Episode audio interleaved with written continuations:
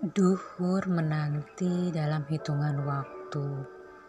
Aku masih termangu memandangi roda empat yang lalu lalang. Berapa banyak nikmatnya yang kubuang. Semoga masih tersisa banyak syukur saat pulang.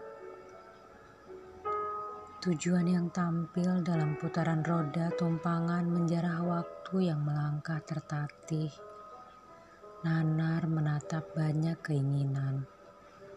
Yang satu demi satu menggerus harga diri.